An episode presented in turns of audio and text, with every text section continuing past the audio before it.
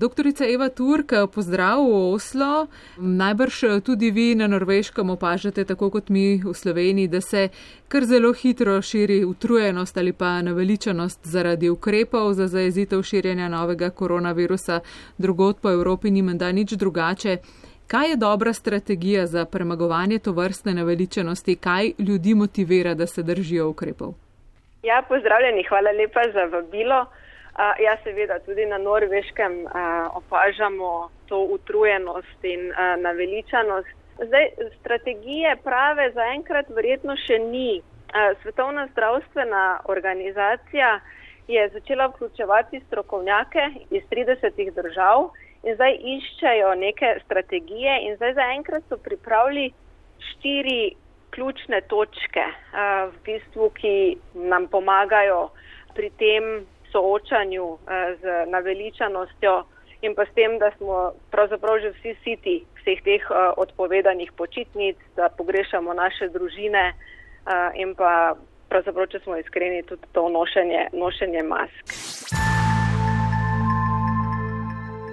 Pojdimo torej po vrsti. Prvi pomemben korak v boju z utrujenostjo zaradi omejitvenih ukrepov je razumevanje obnašanja in stisk ljudi. Se pravi, zbiranje in uporaba dokazov za te usmerjene in prilagojene uh, politike, intervencije, ki so in pa predvsem komunikacijo. Pravzaprav, če pogledamo, so vse te uh, točke vezane na nek način na komunikacijo. In uh, še vedno pri tej prvi točki je, moramo upoštevati neka strokovna priporočila in pa ukrepati potem odločno in se naprej osredotočiti na, najprej osredotočiti na nekako najbolj ranljive skupine. Drugi korak je ta, da priznamo in naslovimo stisko, s katero se soočamo. Da smo vsi na nek način v istem čovnu. In to so različne države na nek način tudi različno se dotaknile tega. In recimo na Norveškem je od vsega začetka že bila ta izredno transparentna komunikacija in pa na nek način razumevanje, razumevanje vlade, kaj se dogaja. Recimo norveška premjerka se je tudi pogovarjala z otroci. Tako da na ta način v bistvu, da, da stopimo oziroma da, da je ta komunikacija na nek način narejena, ja, razumemo vas, ampak zdržite še malo. Tretji korak - vključevanje skupnosti kot dela rešitve. Tukaj Svetovna zdravstvena organizacija recimo pravi, da moramo vzeti uh, utrip uh, lokalnim skupnostim in da se potem s temi lokalnimi skupnosti v bistvu iščejo neki novi uh, ukrepi. In Danska je tukaj imela uh, relativno dober primer, ko so gledali, uh, vključevali so študente, ki so potem iskali načine za na nek način najučinkovitejšo um, in pa varno odpiranje univerz. In tukaj v tem kontekstu se mi zdi, zdaj, ko se bliža ta praznični del leta, ja, je tudi pomembno na nek način povedati ljudem, da, da se lahko veselimo tega leta in da, da vsi si želimo nečesa, česar se lahko veselimo. Se pravi, je tudi pomembno to, na, na, na kak način komuniciramo, da ne govorimo uh, o tem, da ne boste smeli uh, praznovati, ampak da se na nek način najdejo nove možnosti praznovanja, ki pa v bistvu ne bodo pripomogle k širjenju, ja, ampak da enostavno zamejijo uh, širjenje okužbe.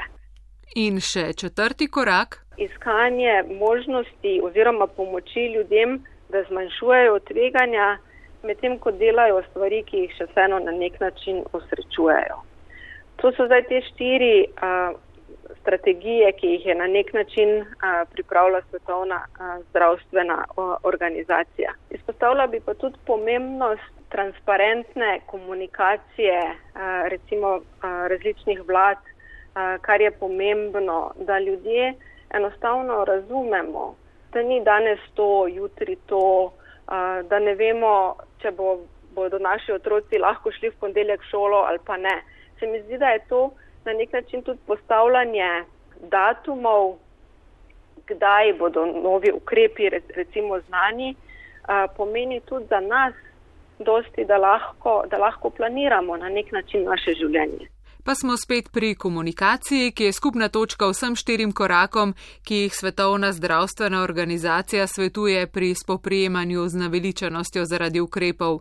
Že med prvim valom smo pogosto izpostavljali, da so v državah, ki jih vodijo premijejka ali predsednice, komunicirali bolje. Zdaj so v bistvu smo dobili tudi neke vrste študije, ki so to dokazale in dokazujejo, da je treba imeti jasno in odločno sporočilo. In recimo raziskovalke iz Univerze v Liverpoolu in, in Readingu so naredile študijo, ki se imenuje Leading the Fight Against the Pandemic, Does Gender Reality Really Matter? In v tej študiji so pokazali, da dejansko je resnična razlika med državami ženskimi voditeljicami in da je to možno v bistvu razložiti s proaktivnimi in pa usklajenimi političnimi uh, odzivi. In jaz mislim, da je to na nek način uh, zelo, zelo pomembno uh, izpostaviti tudi danes in to se, to se nadaljuje. Uh, je pa bila zadeva, ki so jo mogoče ženske bolj sprejele in to, da so prevzele, so sicer riziko uh, zaprtja države prej kot recimo ostale države in so s tem šle v večji, na nek način v večjo ekonomsko tveganje, ampak so imele edinstveno vizijo in to je bilo predvsem rešiti življenja. In to se je tudi v tej študiji pokazalo, da so države z, z ženskimi voditeljicami imele manj smrti zaradi COVID-a. Seveda ne moremo mimo tega, da je gospodarska škoda zaradi pandemije ogromna, kakovost življenja pa se znižuje. Ja, vsekakor kakovost življenja je preko uh, samoizolacije in karantene izredno v bistvu znižana. Uh, če pogledamo, zdaj pred kratkim je bil svetovni dan duševnega zdravja in veliko pomena je bilo v tem dnevu predpisanega v bistvu vplivu pandemije na duševne stiske in pa osamljenost, eh, osamljenosti ljudi. In tudi v strokovnih krogih je na nek način neke vrste strah pred povečanjem eh, števila recimo samomorov. Vidimo, da narašča depresija. In pa predvsem so ti neki skupni uh, indikatorji teh duševnih stisk, kot so recimo strah, stres, depresija, dolg čas, osamljenost, tako zaradi zmanjšanega fizičnega gibanja, recimo potem zmanjšanja prihodkov, strah pred okužbo, skrb, da v bistvu ne bomo prišli do nekih a, osnovnih a, potrebščin ali karkoli, to vsekakor vpliva na upad uh, kakovosti življenja. Doktorica Eva Turk je raziskovalka na medicinski fakulteti Univerze v Oslu in izredna profesorica v znanstvenem centru za tehnologije in zdravje na Univerzi jugovzhodne Norveške. Vodi pa tudi mrežo Professional Women's Network Norway in zato izpostavlja, da so ženske v koronakrizi dodatno obremenjene. Inicirali smo študijo že aprila kjer smo pogledali, v bistvu, kako uh, lockdown vpliva na profesionalne ženske. In kar smo ugotovili, je to, da je izredno povečanje neplačanega dela.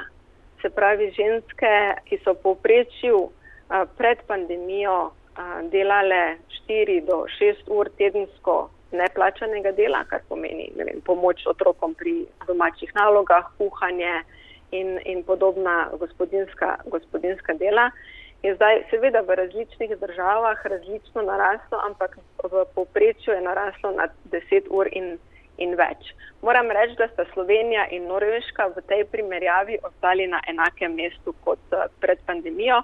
To je verjetno tema za kako drugo, uh, za kako drugo odajo, ampak um, to je recimo bil uh, en, ena velika uh, komponenta, kar se tiče žensk. Potem je prišlo do pogostega izgorevanja, saj praktično nimajo možnosti vzeti pauze, zato ker so stalno, recimo, če imajo male otroke doma. Za, za ljudi, ki so samski, je pa drugo, imajo pa preveč časa in imajo ta občutek osamljenosti. Tako da je vsekakor to izredno vplivalo na kakovost življenja. Naša sogovornica je prepričana, da so v boju z virusom aplikacije del rešitve in da so izjemno pomembne pri sledenju okužbam. verjetno je ta skepticizem v bistvu tudi izkaz neke um, zaupanja družbe v, v politiko, recimo izkaz mentalitete različnih uh, narodov. Tako da recimo v azijskih državah so zelo hitro začeli uporabljati aplikacije za sledenje in to so, to so bile ne samo recimo telefonske aplikacije, ampak so gledali praktično zdravstvene kartone, transakcije s kreditnimi karticami, GPS sledilci in, pa, in pa podobno. In recimo na norveškem so uvedli zelo hitro aplikacijo za sledenje, ki je bila popolnoma prostovoljna, ampak se je v roku enega tedna prijavilo pol milijona ljudi družba, v kateri živimo in, in komu eh, verjamemo, dejansko vpliva na to, kako hitro sprejmemo neko aplikacijo oziroma to sledenje. Ampak tu se zgodba seveda ne konča. Če govorimo o, o skepticizmu, potem bi rada izpostavila ena kolegica iz, iz, iz Azije. Je v bistvu na nek način rekla, da ja, ta vaš strah pred uh, Orvelovstvom ja, in kratenju svobode. In ona je rekla, mi praktično uporabljamo QR kodo za sledenje primerov in imamo pandemijo pod nadzorom. Kdo ima več svobode? Mi, ki se lahko prosto gibljemo in dajemo podatke, ali vi, ki jih ne delite in ste spet o, omejeni na vaše domove. Tako da tudi to je vprašanje v bistvu potem neke te sledljivosti in ko, ko rečemo, kaj pomeni dejansko svoboda v tem primeru. Ampak eh, dejansko verjamete, da bi se v boju z epidemijo ali pa morda eh, z epidemijami ne lahko pričakujemo, da, da bi se nam ja. lahko zgodilo kaj podobnega, da bi prav aplikacije bile eh, del rešitve in bi recimo neka vse splošno sprejeta evropska aplikacija tukaj um, bila pametna naložba? Aplikacija vsekakor uh, omogoči to, da lahko sledimo osebam, s katerimi smo bili v kontaktu in na ta način praktično potem zavarujemo, zavarujemo ljudi, da jim povemo, ja, ok, mi smo bili pozitivni, samo izolirajte se, da ne pride do prenašanja virusa. Jaz osebno podpiram takšne vrste aplikacij. Doktorica Eva Turk, imate zelo dober pregled nad evropskimi zdravstvenimi sistemi, pa tudi nekaj osebnih izkušenj. Študirali ste v Avstriji, doktorirali na Finskem, zdaj ste kot rečeno na Norveškem. Kateri zdravstveni sistemi so se v tej eh, krizi izkazali za najbolj robustne? Najbolj robustni sistemi so sistemi, ki so praktično investirali v zdravstvo. S tem želim povedati, da smo recimo videli v Italiji in Španiji, da praktično po finančni krizi leta 2008 recimo se skoraj da ni investiralo v zdravstvene delavce, v zdravstveno opremo in to se je dejansko pokazalo zdaj pri pandemiji, kjer je prišlo do popolnega sesutja zdravstvenega sistema.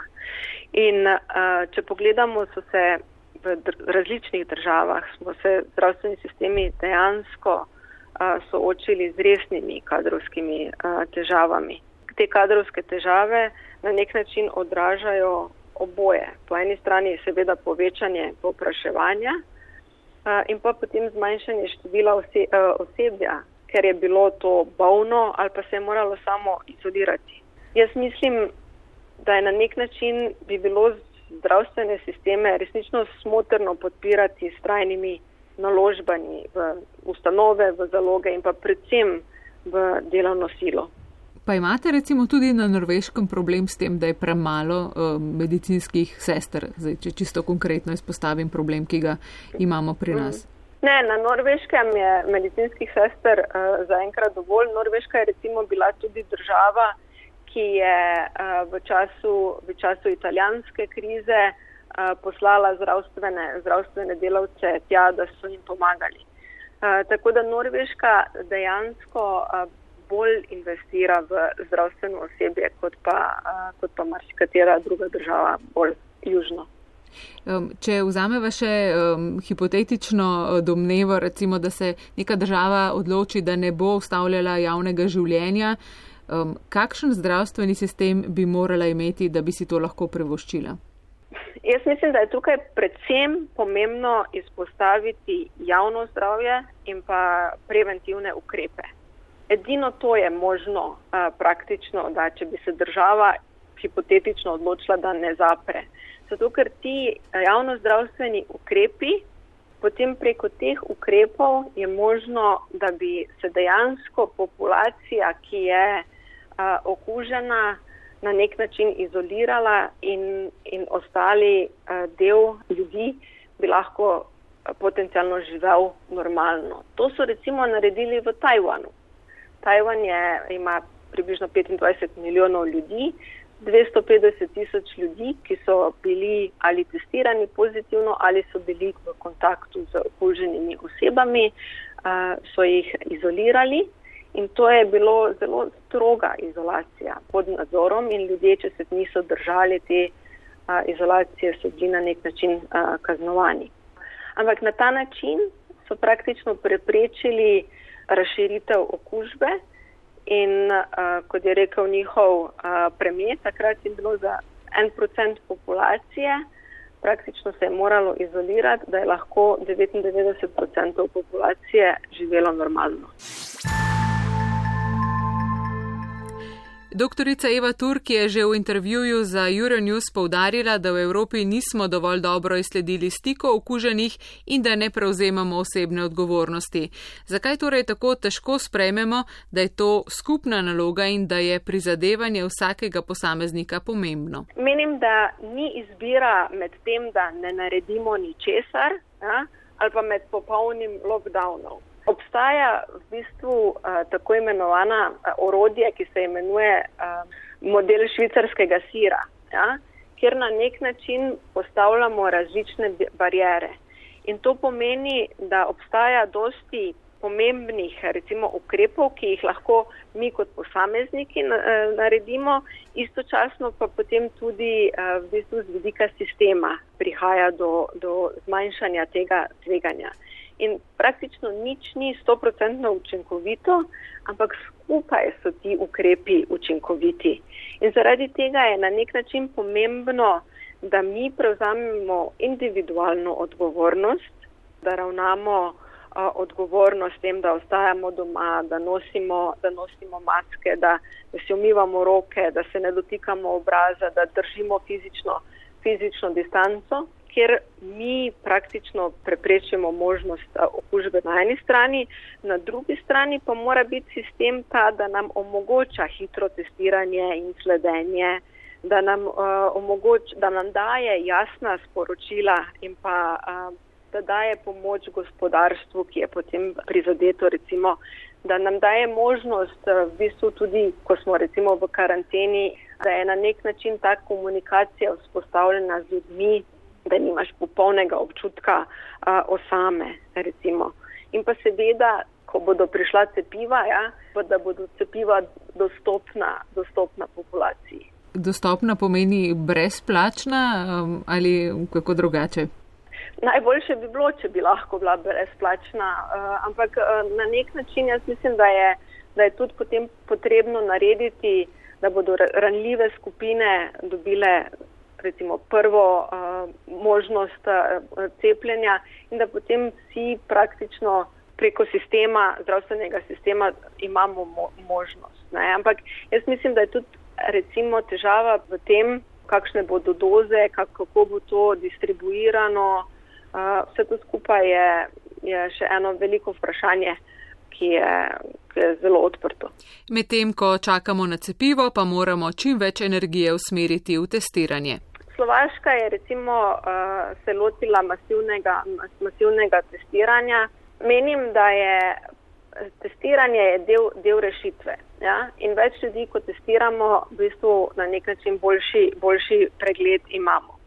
Kot sem rekla, za natančno spremljanje uh, okužbe potrebujemo pač ta sistem za iskanje, sledenje, izolacijo in tako naprej.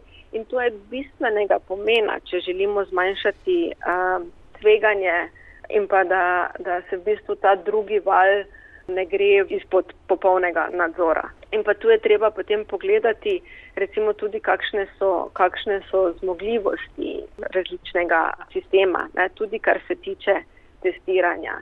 In um, kot primer bi dala tukaj spet Norveško, ki je na začetku pandemije uh, bila zelo skopa s testiranjem. Ni, ni bilo v bistvu odprto za širšo populacijo, vendar so spremenili pristop. Tako da je, je zdaj dejansko za kogarkoli, ki ima kakršne koli blažje simptome, testiranje možno in pa tudi brezplačno. Um, za konec tega pogovora še vseeno morda o pozitivnih uh, vidikih ali pa vzorcih obnašanja, ki se tudi kažejo zdaj v soočanju eh, z epidemijo. Kaj bi vi izpostavili, morda najbolj pozitiven vzorec obnašanja, ki se je oblikoval? Recimo meni pride najprej na misel to, da eh, ne bomo več bolni prihajali v službo, saj upam. No? Ja, ja, jaz tudi.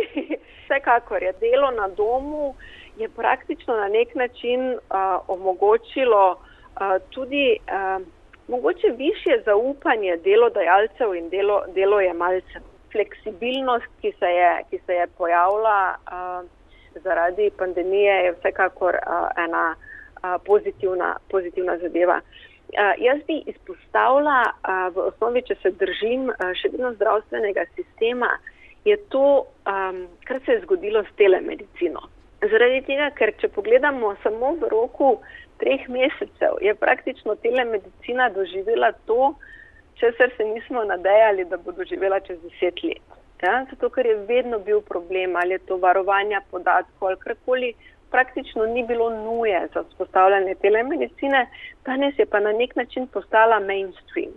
In se mi zdi, da, da, da to vezano na tehnologije, na digitalizacijo, uh, in da, da praktično se lahko stvari obrnejo na boljše, uh, je tudi eden izmed izredno pomembnih um, pozitivnih vidikov um, uh, te pandemije. Zdaj vam pa um, dajem še eno precej zahtevno nalogo, ko ste v vodoma omenjali, da je pomembno, da um, se imajo ljudje česa veseliti. Uh, kakšno bi bilo vaše sporočilo, ne? kaj se nam obeta v naslednjih uh, tednih um, ali pa do konca leta? Česa se lahko veselimo? Jaz mislim, da če, če bomo dejansko ravnali odgovorno, da se vezano na to dejansko lahko veselimo druženja v domačem okolju, sama osebno komaj čakam, eh, da lahko spet pridem v, v Slovenijo in preživim čas z svojimi starši in, in prijatelji.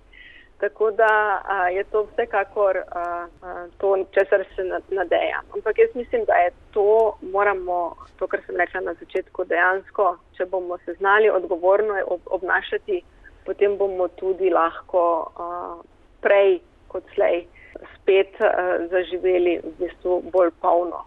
Hvala lepa, upam, da res. Hvala vam.